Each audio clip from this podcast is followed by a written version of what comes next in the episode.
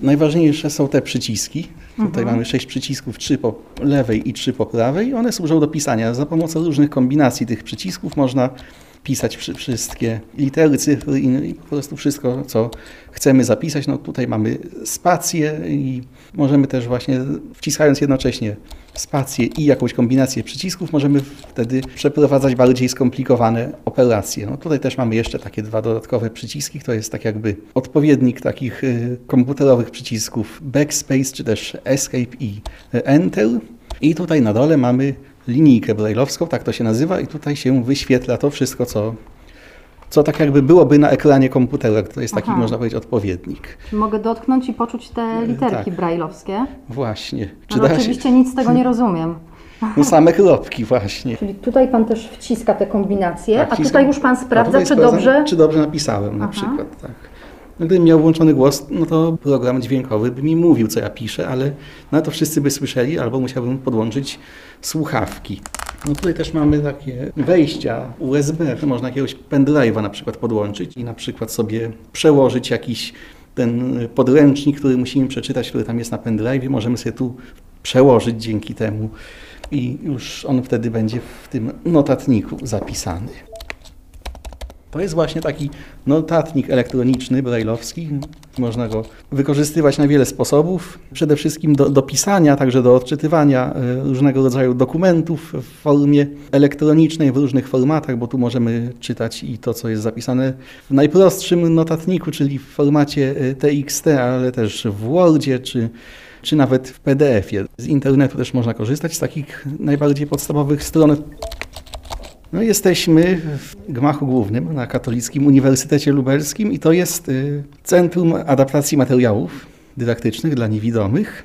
Jeżeli taki student ma potrzebę, musi przeczytać jakąś książkę, to może ją do nas przynieść albo napisać, że, że jest mu potrzebna i wtedy któryś z kolegów y, idzie do- biblioteki i wy- wypożycza tę książkę i trzeba taką książkę zeskanować i przerobić na format odpowiedni dla takiego studenta w wersji y, elektronicznej. I to jest y, taka wersja, którą lektor odczytuje potem, czy to jest wersja brajlowska? To już jak kto woli sobie czytać. Można sobie czytać to na komputerze za pomocą programu, a można czytać też, jeżeli ma się taki odpowiedni notatnik elektroniczny brailleowski, no to wtedy można czytać właśnie w brailu ręką.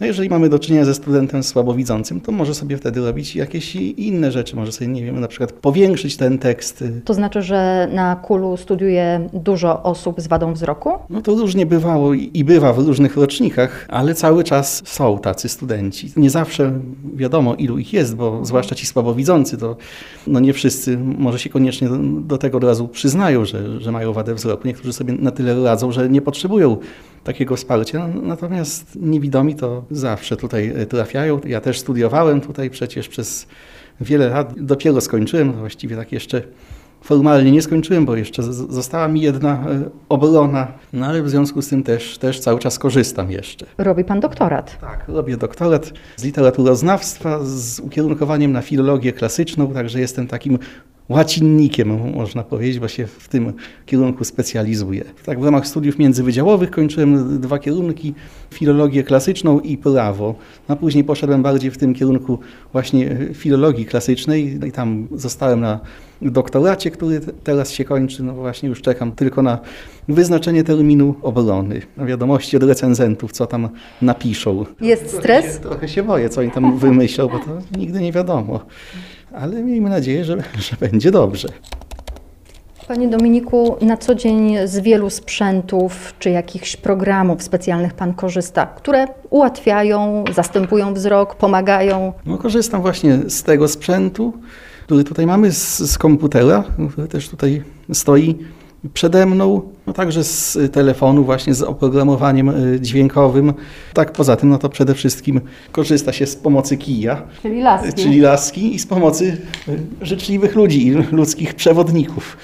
Raczej się nie boję, a też y, powiem szczerze, że nawet lubię tak z kimś iść, bo też zawsze właśnie mówię, że z, z kijem czy też z laską sobie człowiek nie porozmawia, a z żywym przewodnikiem zawsze można coś, parę słów zamienić i przy okazji właśnie jakoś tam sobie umilić tę, tę drogę z punktu A do punktu B. Korzystam z pomocy przewodników czy też asystentów, jak, jak się teraz mówi często. No i to jest rzeczywiście duże ułatwienie, chociażby dlatego, że można w znacznym stopniu odciążyć y, domowników, którzy nie muszą gdzieś tam wszędzie ze mną jeździć i doceniam taką możliwość. Pan na co dzień działa też w Stowarzyszeniu Otwieracz. Tak, właśnie byłem jednym z współprowadzących szkolenia z zakresu tworzenia audiodeskrypcji. Była to właściwie pierwsza taka moja praca właśnie związana też z szeroko rozumianą dostępnością.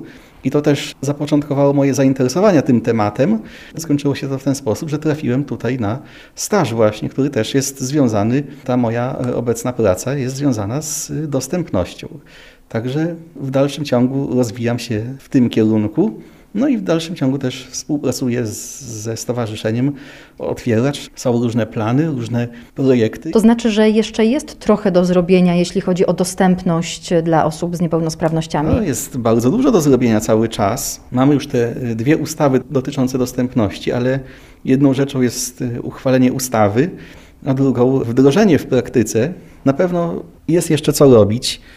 Ja w tej chwili odbywam staż y, na takim stanowisku, to się nazywa konsultant do spraw dostępności cyfrowej. I to polega właśnie na ocenianiu dostępności zasobów cyfrowych uczelni z punktu widzenia osób z różnymi niepełnosprawnościami, a przede wszystkim z dysfunkcją wzroku, bo wiadomo, że to jestem w stanie najłatwiej ocenić. Trudniej byłoby mi się wcielić w osobę głuchą czy niesłyszącą, no chociaż też w jakimś tam ograniczonym zakresie staram się to robić. I też y, do moich obowiązków należy ocena jakości i dostępności zajęć prowadzonych zdalnie, co też teraz jest przecież ważną sprawą, bo właściwie zajęcia są prowadzone niemalże wyłącznie zdalnie w tej chwili i tak jeszcze będzie na pewno do końca semestru, więc to też jest ważne, żeby te zajęcia były dostosowane do potrzeb osób z niepełnosprawnościami, czyli żeby były dostępne. Panie Dominiku, czyli jest Pan tutaj na kulu na stażu, kończy Pan doktorat i co dalej? No właśnie tego nie wiadomo tak do końca, bo ten staż jest do 15 czerwca.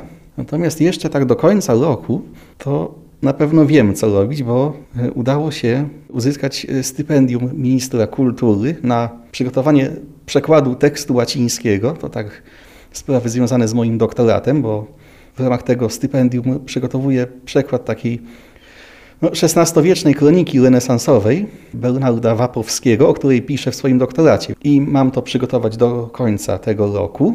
Także na pewno do końca roku nie będę się nudził i nie zabraknie mi pracy, bo to jest przekład razem z komentarzem. Wiadomo, że to jest już poważne dzieło. Przekład z łaciny na polski. Panie Dominiku, chciałam Pana zapytać o niepełnosprawność. Jak to się stało, że jest Pan osobą niewidomą? Jestem zupełnie niewidomy. Nie odczuwam nawet y, różnicy, jeżeli chodzi o światło, czy jest włączone, wyłączone, słabsze, silniejsze, to na mnie to żadnego wrażenia nie robi, także mogę cały dzień przesiedzieć w pokoju w ciemności, więc bycie niewidomym ma też swoje plusy, można zaoszczędzić w trochę na elek- elektryczności w ten sposób. No tylko gorzej właśnie jak ktoś do mnie przychodzi, bo wtedy trzeba pamiętać, żeby zapytać właśnie, czy mu włączyć światło, czy... A jak, się, a jak człowiek się przyzwyczaił do tego, żeby go nie włączać, to czasami może nie zapytać. Także to też są takie, takie ciekawostki właśnie. To była choroba, tak zwany popularnie siatkówczak i to się stało, kiedy miałem kilka miesięcy, także właściwie nic nie pamiętam z tego czasu, kiedy, kiedy widziałem. No, to był dla mnie stan naturalny, że nie widzę. Dużo zależy od wychowania. Ja byłem zawsze uczony tego, że, że jestem takim samym człowiekiem jak każdy inny, mam takie same możliwości, łącznie z możliwością pójścia na studia. Jeżeli będę chciał, no to będzie to zależało właśnie ode mnie, od moich zdolności. Też w domu zawsze miałem pomoc, kiedy tylko była ona potrzebna i w każdym zakresie, łącznie właśnie z, chociażby z takimi rzeczami, jak zainteresowanie tym, jakie ułatwienia są, powiedzmy, najnowsze, najlepsze ułatwienia przystosowania, chociażby jaki sprzęt jest najlepszy. Chodziłem do tej szkoły y, na Hirschfelda, tam gdzie jest ta szkoła dla dzieci i młodzieży właśnie niewidomych i słabowidzących. to w pewnym momencie, tak po trzeciej klasie, przeniosłem się do szkoły zwykłej, masowej. Była to klasa integracyjna, ale już y, z rówieśnikami pełnosprawnymi. No to też było y, bardzo ważną rzeczą w mojej, tak powiedzmy, socjalizacji, w moim rozwoju, że jednak wychowywałem się z rówieśnikami widzącymi także. Nie było takiego zamknięcia nigdy w domu właśnie na, na to, że trzeba się trzymać tylko z, ze środowiskiem i tylko z niewidomymi. Było odwrotnie, zawsze był też ten nacisk na kontakt z osobami widzącymi i na to, żeby uczyć się życia z nimi i wśród nich. Panie Dominiku, nasza rozmowa będzie w radiowym cyklu zatytułowanym Rozmowy optymistyczne, więc chciałam się upewnić, czy jest Pan optymistą, pozytywnie podchodzi Pan do życia, bo ja powiem, że nawet po brzmieniu Pana głosu mam wrażenie, że jest Pan właśnie bardzo takim słonecznym człowiekiem. Staram się być takim słonecznym człowiekiem i optymistycznym. Czasami może nawet przesadzam z tym trochę, ale zawsze mi się wydaje, że lepiej przesadzić w tę stronę niż w tę drugą. Założenie jest proste. Wiadomo, że zawsze taki człowiek łatwiej sobie pozyska też życzliwość z, ze strony innych osób, a wiadomo, że jak się jest niewidomym, to się czasami takiej pomocy potrzebuje. Tym bardziej lepiej być e, człowiekiem optymistycznym, życzliwym, też radosnym, otwartym też na, na taką pomoc, niż właśnie jakimś takim ponurakiem powiedzmy i w dodatku o takich skłonnościach roszczeniowych. Wiele rzeczy mi się udało, chociażby to skończenie studiów, napisanie doktoratu, no teraz też właśnie znalezienie tej pracy, czy chociażby też współpraca ze Stowarzyszeniem Otwieracz, że w jakiś sposób te moje umiejętności są dostrzegane i doceniane i mogę mieć takie poczucie, że, że coś robię, że jestem do czegoś potrzebny, że mogę komuś pomóc, spowodować, że coś będzie działało lepiej, no a także jakieś osiągnięcia mniejsze. Od wielu lat gram w szachy, no to też jest ważna sprawa i ważna dla takiej samooceny, jeżeli gdzieś tam się pojedzie na te zawody szachowe, dobrze się zagra, jakiś dobry wynik się zrobi, zwłaszcza jeżeli mam taki, takie wyniki z, właśnie z przeciwnikami widzącymi, a nie tylko z niewidomymi. To też jest ważne i to, żeby mieć jakieś pasje, też zainteresowania właśnie, chociażby te szachy, czy też y, pływanie. No teraz bardzo ubolewam nad tym, że nie mogę sobie pójść popływać. A ważnym czynnikiem są też ludzie, których się poznaje na swojej drodze. Jeżeli się poznaje ludzi życzliwych, takich otwartych i też wyrozumiałych, no to, to też y, wzmacnia ten y, optymizm życiowy i uzasadnia jakoś w znacznym stopniu.